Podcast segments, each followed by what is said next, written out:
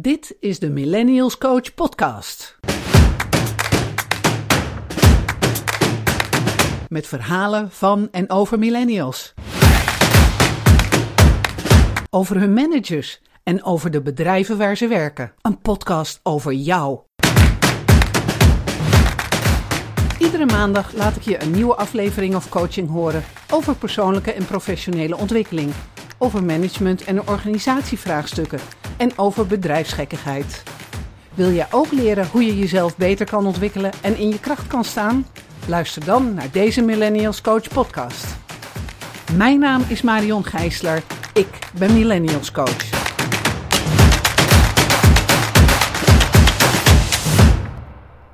In deze aflevering van de Millennials Coach podcast laat ik me interviewen door een millennial.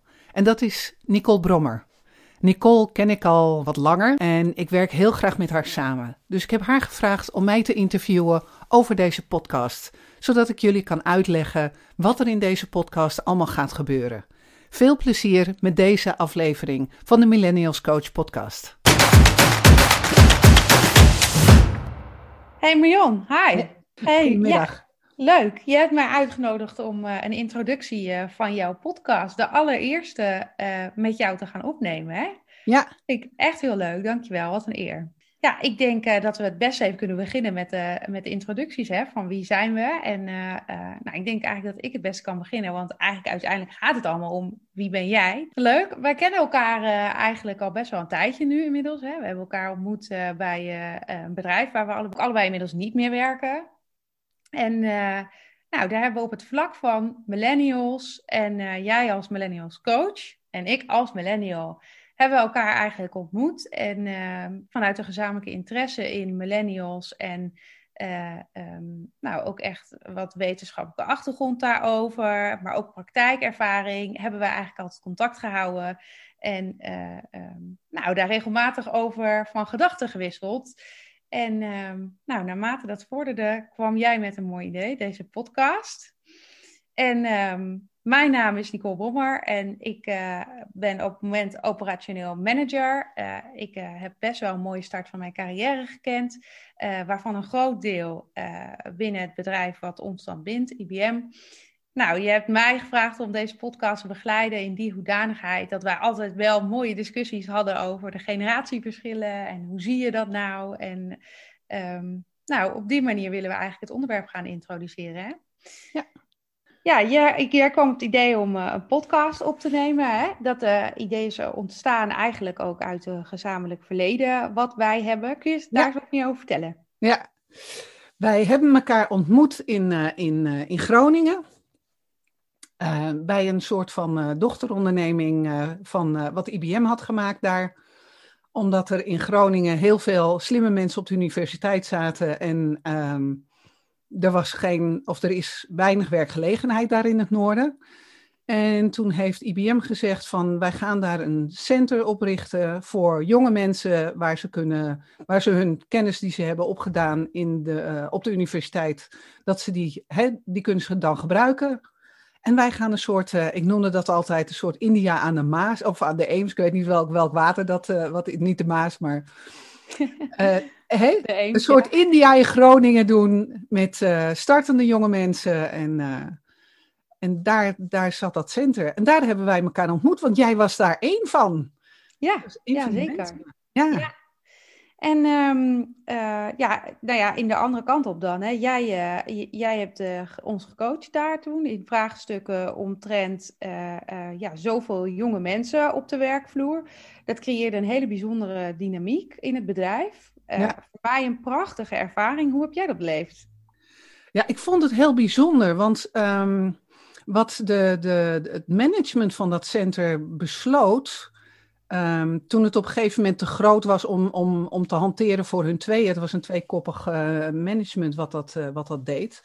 Zij besloten eh, om, om toen het ongeveer 250 eh, mens groot was, dachten ze van ja, we hebben nu een managementlaag nodig. En dat gaan we niet halen uit oude managers die we kennen of uit organisaties. Maar we gaan dat halen uit de zittende populatie. En dat vond ik zo bijzonder. Maar ja, dat waren mensen met anderhalf jaar ervaring. En ineens moesten jullie gaan beslissen over, krijg jij promotie of niet? Krijg jij geld erbij of niet? Mag jij blijven of niet? Ehm, er is iets met jouw functioneren waar ik wat, wat, van moet zeggen. En we zijn even oud, we komen uit dezelfde pool. Dat was, dat was een heel ding. Dus toen ben ik gevraagd van, kan jij die jongelui niet eens coachen? En ik mocht dat doen op twee niveaus. Het eerste was uh, één op één. En het tweede was dat ik mocht het hele team mocht ik beetpakken. En toen ik eenmaal bezig was, toen merkte ik ook dat uh, de organisatie wel degelijk uh, daar ook een rol in speelde. Want uh, de, het management wat er zat, dat waren mijn collega's natuurlijk. En die waren, nou ja, uit mijn leeftijdsgroep, zeg maar. En die zeiden van, ja, nou, en dat zouden ze dan toch wel moeten weten. En dan kwam er wat. En toen zei ik ook tegen ze van, ja, maar heb je ze dat dan al verteld? Ja, nee, dat moeten ze toch gewoon weten. En dan, jongens, ze werken net. Hoe moeten ze dat dan weten als jij dat ze niet vertelt? En dat, dat, vond ik zo een fantastische ervaring. Want het enige waar het over ging, was dat mensen met elkaar moesten praten. En dat, uh, ja, ik vond het fantastisch. Wat leuk. En uh, kan je misschien wat meer vertellen? Want uh, daar heb je dan misschien ook wat een en ander van meegekregen. wat maakt dat zij de beslissing namen om niet met ervaren managers te gaan werken, maar met de mensen die daar al zaten? Ja, dat is een goede vraag. Weet je dat ik daar niet eens het antwoord op weet? Weet jij het wel? Um, Nee, ik weet het niet zeker. Ik heb daar wel ideeën bij. Uh, um, hè, het is natuurlijk een hele grote organisatie en uh, IBM zelf. Met hele uh, vastomlijnde ideeën over hoe dingen zijn en zouden moeten. Die speelden denk ik best wel sterk. En uh, ja, hokjes. En dat is juist niet wat, uh, wat in Groningen bestond. Ja. Uh, en en um, ik denk dat een van de redenen is geweest om juist dat jonge, innovatieve, dat dynamische vast te houden. geweest is om dat door millennials zelf te laten doen. Ja. En dat er een ijzersterk geloof was dat ze dat best zouden kunnen. Ja. En dat vond ik wel heel, heel sterk en heel. En dat was, ja. heel, ja, dat was heel dapper. Ja. Ja. Want niemand wist het natuurlijk of jullie dat wel konden. Ja, nou precies. En ja. Uh, jij zegt het al, raakt het al een beetje aan. Maar inderdaad, ik was dus ook een van de, uh, de mensen die die stap mocht gaan maken. En uh, ja, je hebt mij daar ook in begeleid. Ja. En dat was dus um, een hele bijzondere ervaring. En um, kun je eens wat meer vertellen? ik was er onderdeel van en jij mocht het heel erg observeren. Wat zag je nou eh, als grootste verschillen tussen het managementteam en uh, het, de, de laag managers die ze erbij gecreëerd hebben? Ja. Um, ik denk dat het grootste gat wat ik zag, was dat de beide groepen, als ik het zo mag noemen, zo een totale andere idee hadden over hoe dingen moesten of zouden kunnen of hoe dat gerealiseerd moest worden, dat was echt, um, dat was echt wel een heel verschil. Ik moest ook steeds denken aan iets wat ik um, uh, van een, uh, ook een jong mens uh, in de grotere IBM-organisatie had gehoord. Dat was toen, toen was er een groep en die heette Jong IBM. En daar zat ook zo'n zo'n leider, zo'n voorloper zat daarin. En ik heb een poos met die jongen zitten praten. En die jongen die zei tegen mij van... Wij, zijn, uh, wij, wij komen van de universiteit en um, daar worden we gestimuleerd om fantastische dingen te doen. Daar doen onze ouders ook aan mee. Um, en uiteindelijk kom je dan en dan kom je achter een bureau te zitten en achter een pc te zitten. En het, dan ben je helemaal niet de best thing since sliced bread, zoals de Engelsen dat zo mooi zeggen. Maar dan moet je gewoon alleen maar heel hard werken. En dat, dat heeft mij zo de ogen geopend dat ik dacht van, oh ja, maar wat, waar, waar zit hem dat dan in, weet je wel? Hoe komt het dat jij op de universiteit het allerbeste was en voortdurend gestimuleerd werd met, ik noem dat constant praise, dat deed ik in mijn, in mijn, eh, in mijn trainingen, deed dat ook allemaal altijd. Goed zo, goed gedaan, dit is goed, ga daarop door en zo. Maar dat je dan in een grote organisatie komt die een heel ander idee erover heeft en dat zag ik bij jullie ook wel. Um, de, de jonge managers die, die in die groep zaten, die waren ook nog natuurlijk heel erg aan het zoeken. Weinig ervaring. daar waren ze zich heel erg van bewust. Ehm, maar toch had iedereen best een idee over hoe het zou moeten, zonder dat ze dat verteld waren over een aantal dingen.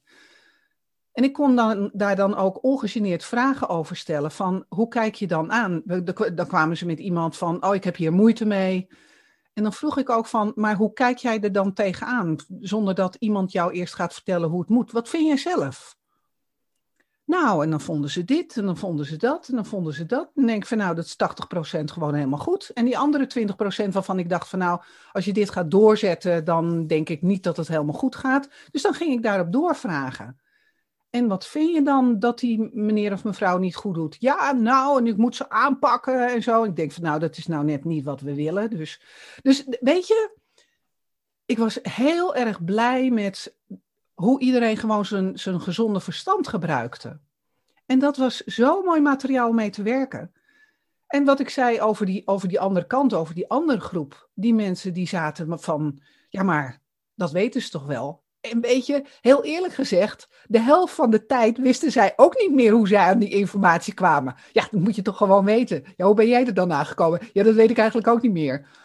Dus ja, ehm, maar dat het, dat daar een gat tussen zat in de manier van aanpak, dat, dat was het grootste gat wat ik gezien heb. Ja, als antwoord op jouw vraag. Ja. nou, mooi. Hey, en uh, dat alles, uh, want um, uh, ik denk dat veel van dit soort voorbeelden en in de, de inhoud over millennials op de werkvloer, hè, waar wat komen die nou tegen? dat is eigenlijk um, wat ons verder samen heeft gebracht en waar wij ook al vaker over door hebben gesproken. Um, en waar ik nou benieuwd naar ben, is wat, je, wat uiteindelijk geleid heeft tot jouw idee om hier een podcast over te beginnen. Wat wil je delen? Ja, um, het is heel, uh, ja, heel eerlijk, is het voortgekomen uit twee dingen. Het eerste is, ik werk bij de lokale radio.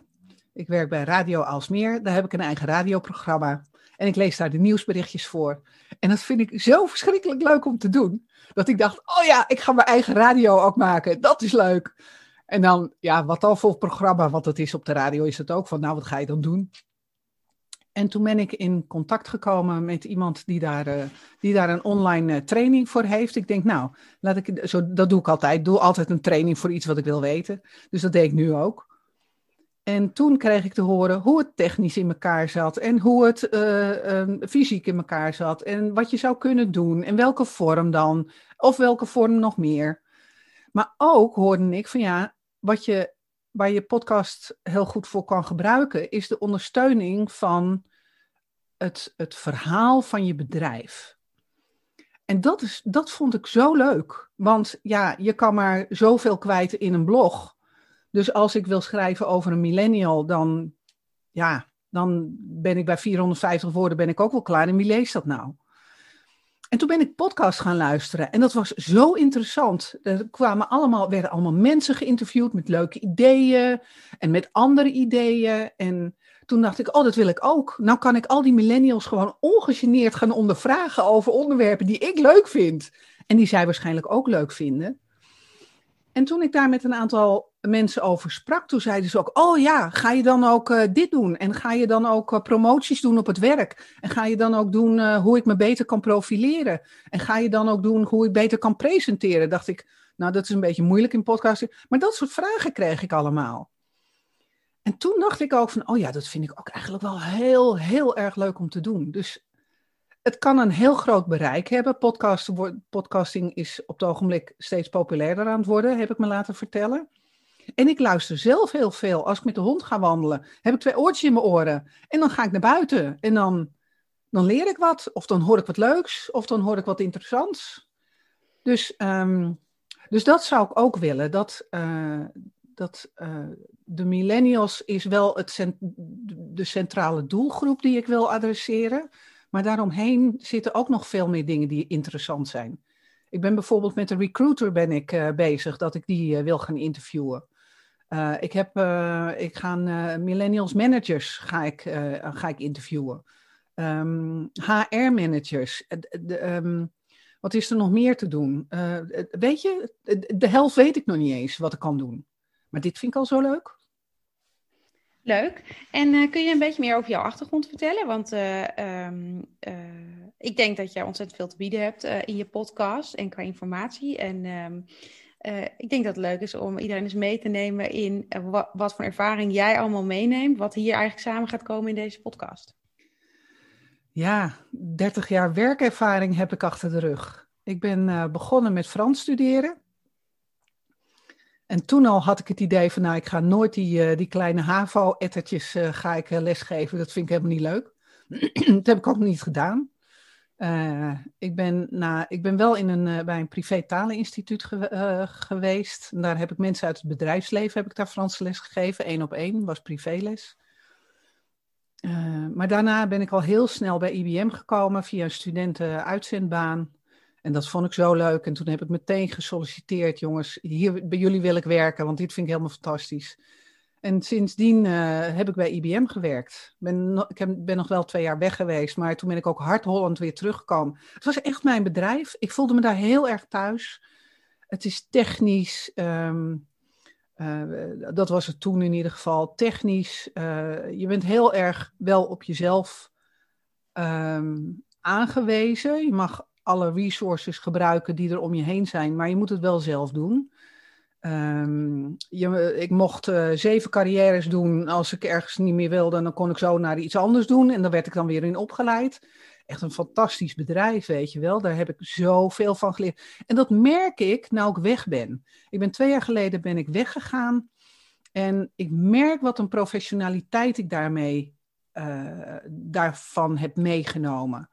Uh, de laatste 15 jaar uh, heb ik internationaal getraind. Ik ben overal ter wereld ben ik naar ja, collega's van ons ben ik uh, geweest. En daar heb ik trainingen gegeven, verkooptrainingen, management development trainingen en persoonlijke ontwikkelingstrainingen.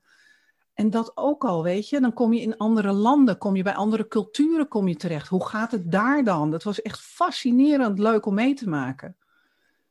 En ja, dus ik heb heel veel verschillende dingen gedaan bij IBM. Wat relevant is voor nu, voor wat ik nu met Millennials Coach wil gaan doen, is dat ik ben uh, eh, 15 jaar of zo meer, denk ik ondertussen, ben ik coach geweest. Ik heb alle soorten mensen binnen IBM en ook daarbuiten uiteindelijk heb ik gecoacht. Daar heb ik echt heel erg veel van geleerd. Ik ben er ook steeds in blijven opleiden. Ik heb bijvoorbeeld net een eh, NLP Master Coachopleiding heb ik afgerond. Daar heb ik ook weer heel veel meer nieuwe technieken geleerd. En um, uh, ja, ik heb heel veel geleerd van hoe mensen in elkaar zitten. Ja, en als je bij IBM werkt, dan leer je ook hoe zo'n groot bedrijf werkt. Hoe taai procedures kunnen zijn, hoe je met bureaucratie omgaat, hoe je met een manager omgaat die, die niet werkt. Ik heb er zelf een gehad. Die man kwam uit een ander land, laten we maar niet noemen waar die vandaan kwam. Hij kwam uit een ander land, al, totaal andere cultuur, hele andere, uh, andere, letterlijk de andere kant van de wereld. En mijn collega's die hebben tegen mij gezegd: Marion, kan jij niet met je coachingsvaardigheden die man een beetje op de rit zetten? En dat heb ik dus geprobeerd. Maar dat is me niet gelukt. Als je onderdeel bent van het systeem is het heel lastig om dat te doen. Maar je kan wel heel veel doen met coachtechnieken en vraagtechnieken om iemand tot een ander inzicht te laten komen. Of om een, net even een andere richting uit te laten gaan. Dus dat heb ik met die man ook geprobeerd te doen. Maar ja, als die niet wil, dan wil die niet. Dus um, heb je een lastige manager, wat kan je daaraan doen? Wat kan je daar zelf aan doen? Je kan de ander niet veranderen, maar je kan zelf wel veranderen. Dus wat kan jij doen om anders op die situatie te reageren en om het goed te hebben in een situatie die misschien niet helemaal optimaal is? Dus allemaal dat soort bedrijfsdingen heb ik allemaal geleerd daar. En dat is iets waarvan ik denk van, oh wat ben ik blij dat ik zo oud ben dat ik ben dan heb je zoveel ervaring en dat kan ik allemaal meegeven aan mensen die misschien iets minder ervaring hebben en misschien ook andere ervaring hebben. En dan kunnen ze sneller komen tot een punt waar ze succesvol zijn. Um, uh, misschien wel eerder dan dat ik dat zelf ben geweest. Dat, ja, uh, ja. Dat is een mooie gedachte. Ja. En is deze podcast dan uh, vooral voor, men, voor millennials zelf of ook voor mensen die veel te maken hebben met millennials of het gewoon heel interessant vinden? Waar is ja. je op? Ja, ik, de, ik denk dat de, dat de bulk, dat mijn gedachten steeds zullen zijn van die millennials moeten dit leuk vinden. Maar ik denk, dat ik wil heel graag aan de randen um, uh, wil ik ook werken. Want ik denk dat het een soort van driehoek is. In mijn beleving is het een millennials driehoek. Want millennials die hebben te maken met hun managers. En die managers zijn we misschien wel van die mensen met van datzelfde grijze haar als wat ik inmiddels heb.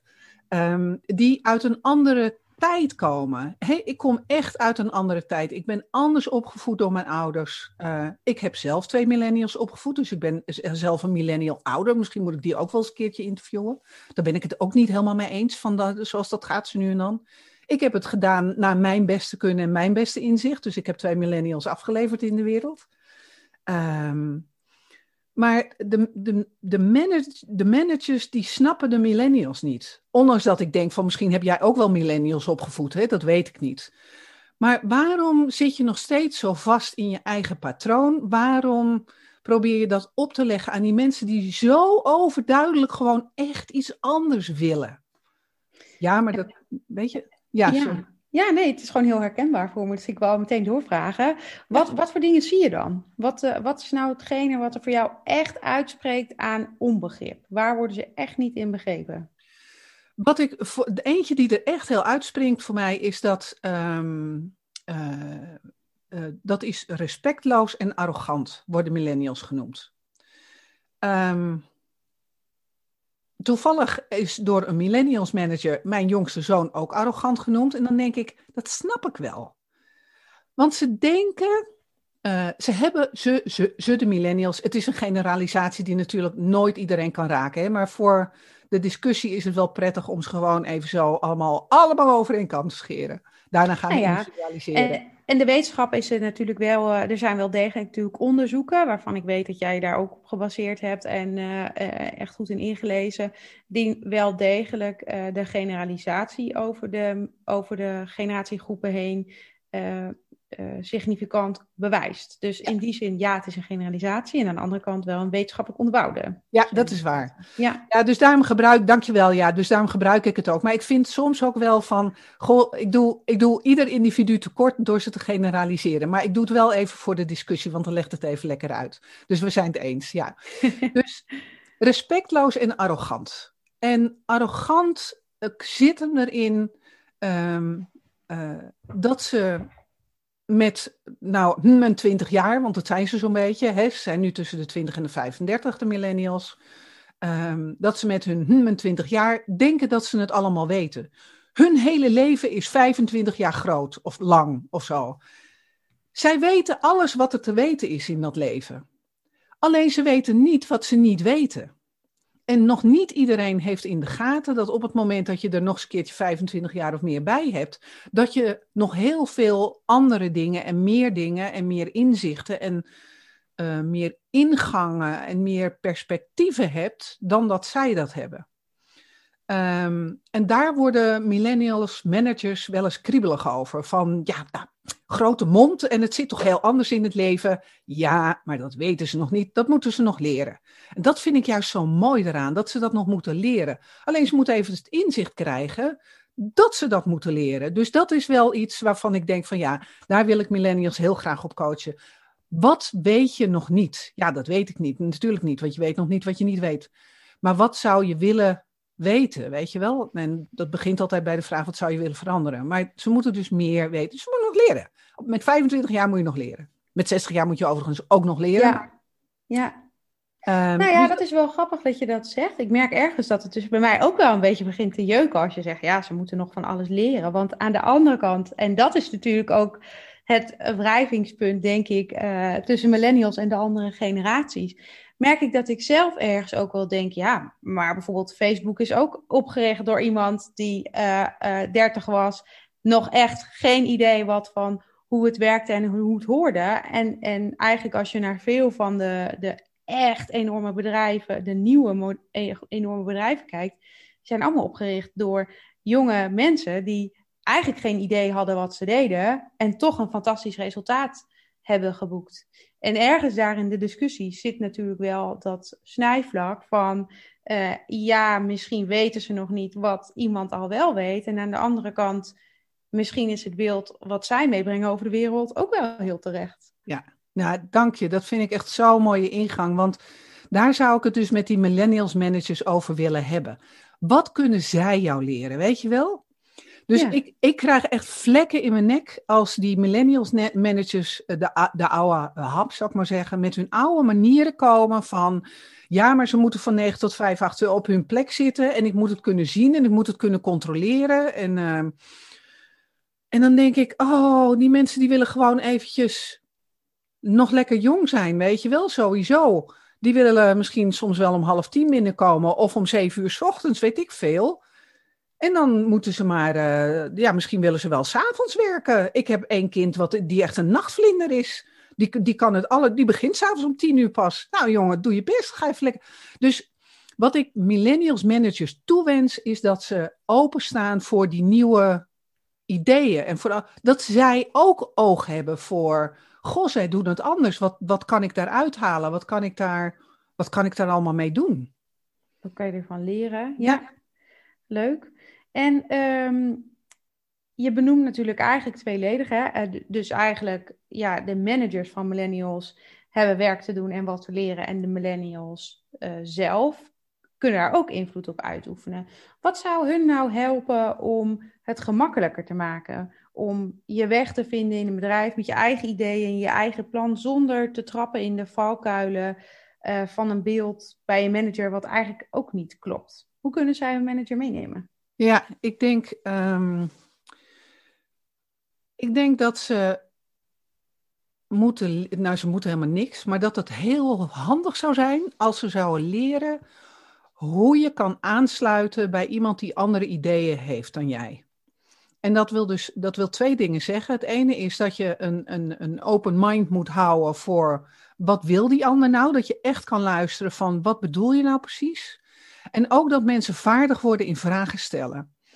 Ik weet dat wij het er al vaak over gehad hebben, maar ik vind dat mensen onvoldoende vaardig zijn in vragen stellen. Ik heb natuurlijk zo'n vak, ik ben coach. Ik heb het tot kunst verheven. Ik kan ontzettend goed vragen stellen. Volgens mij kan ik dat best wel zeggen, zonder arrogant te zijn. Maar het is een vaardigheid, hè?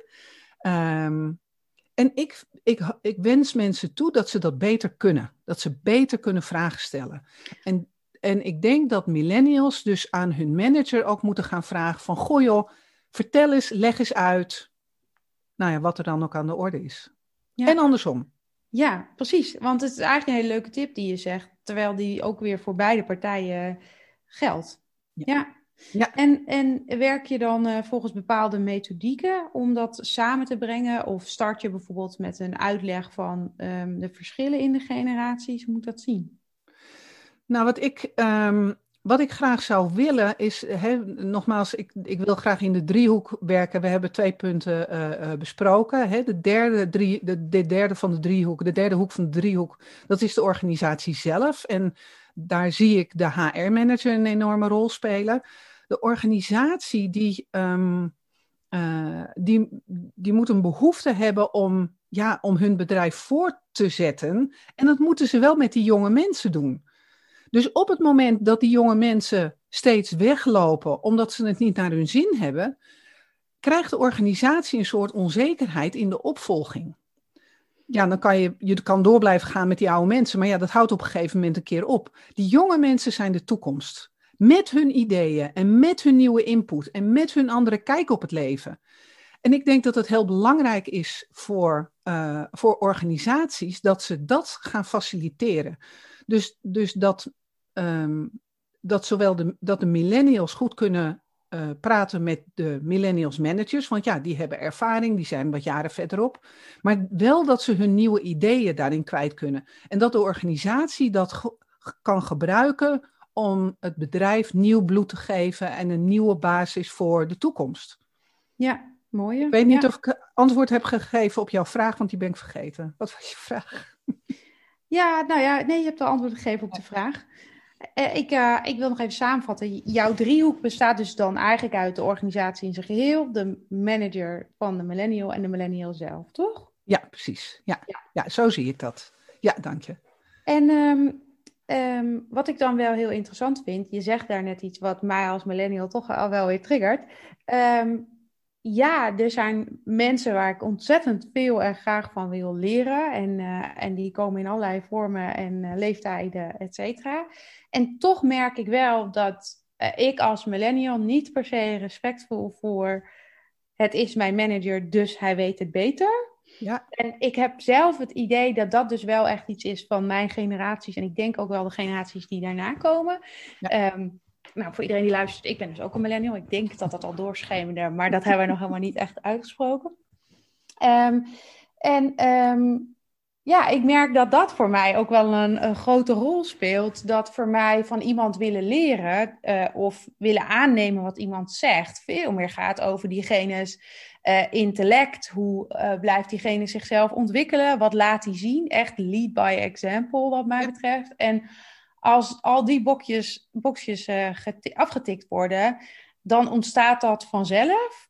Maar uh, uh, ja, ik merk wel dat gewoon, ik heb tien jaar meer ervaring dan jij. Ja, ja die, die doet niks voor mij. Ja, en nee. weet je, ook in een discussie of in het volgen van iemand anders uitgezette pad. Ja, dan merk ik dat ik daar wel moeite mee heb. En ik, ik, denk eigenlijk dat dat een typisch millennial dingetje is. Maar misschien ja. kan jij wat over zeggen. Ja, ja het, is, het is inderdaad iets wat heel erg voor ligt.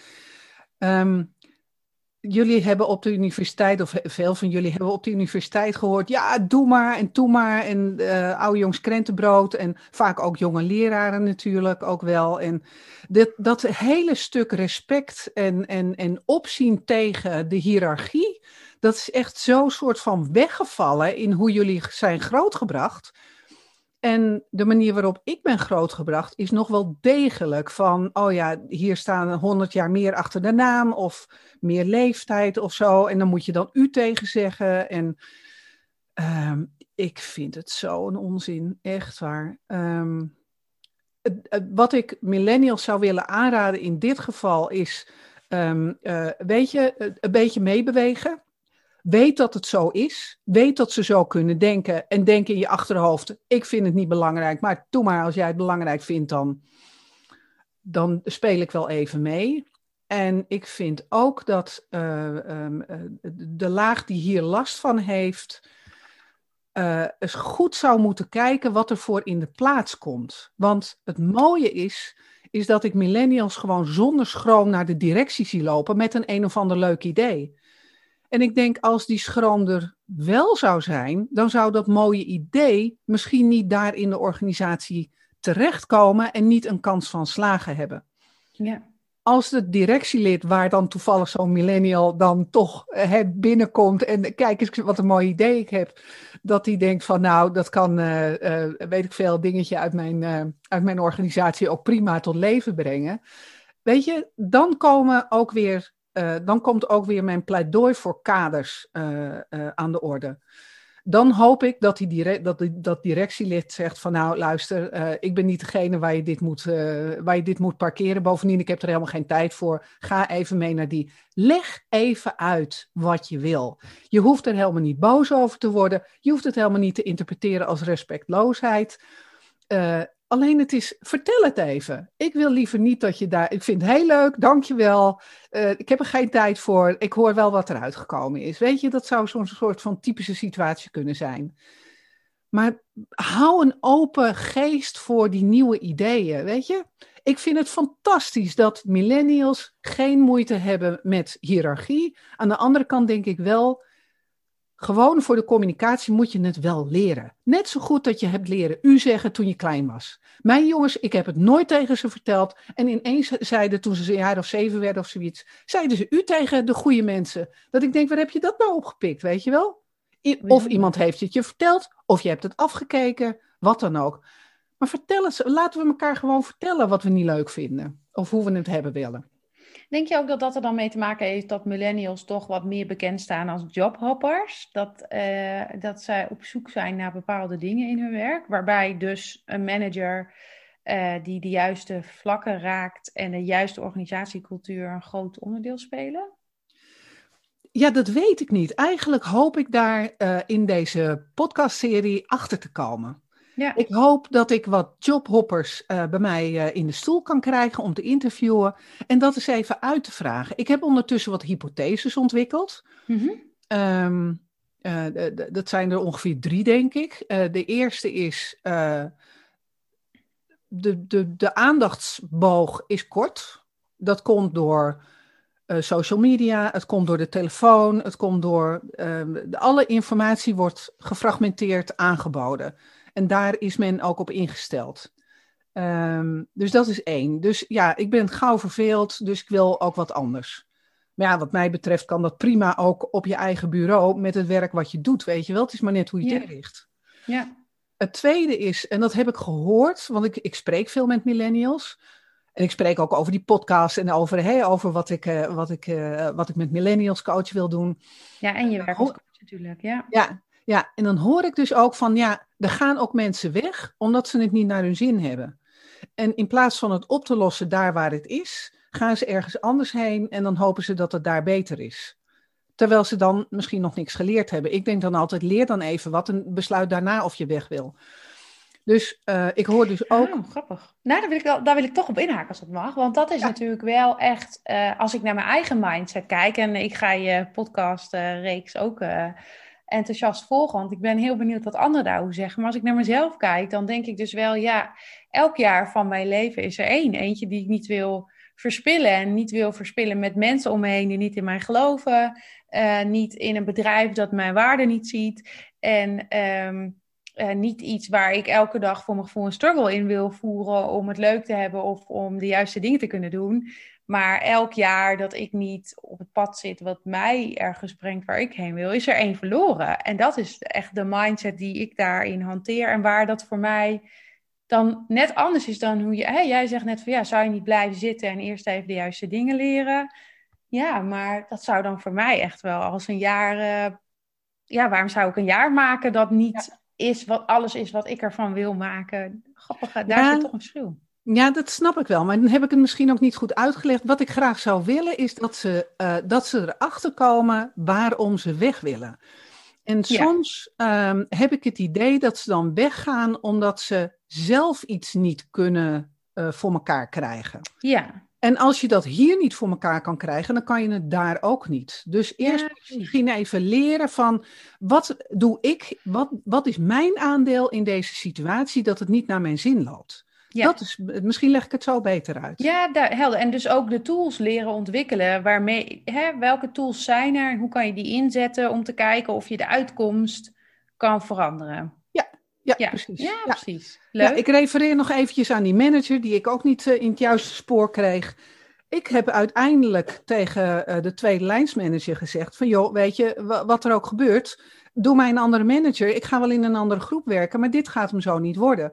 Maar toen had ik er dus al heel veel tijd en moeite in gestoken. Ja. En ik kreeg die cultuur gewoon niet, niet bij mij aangesloten. Ik kon daar niet mee. En dat kan, hè?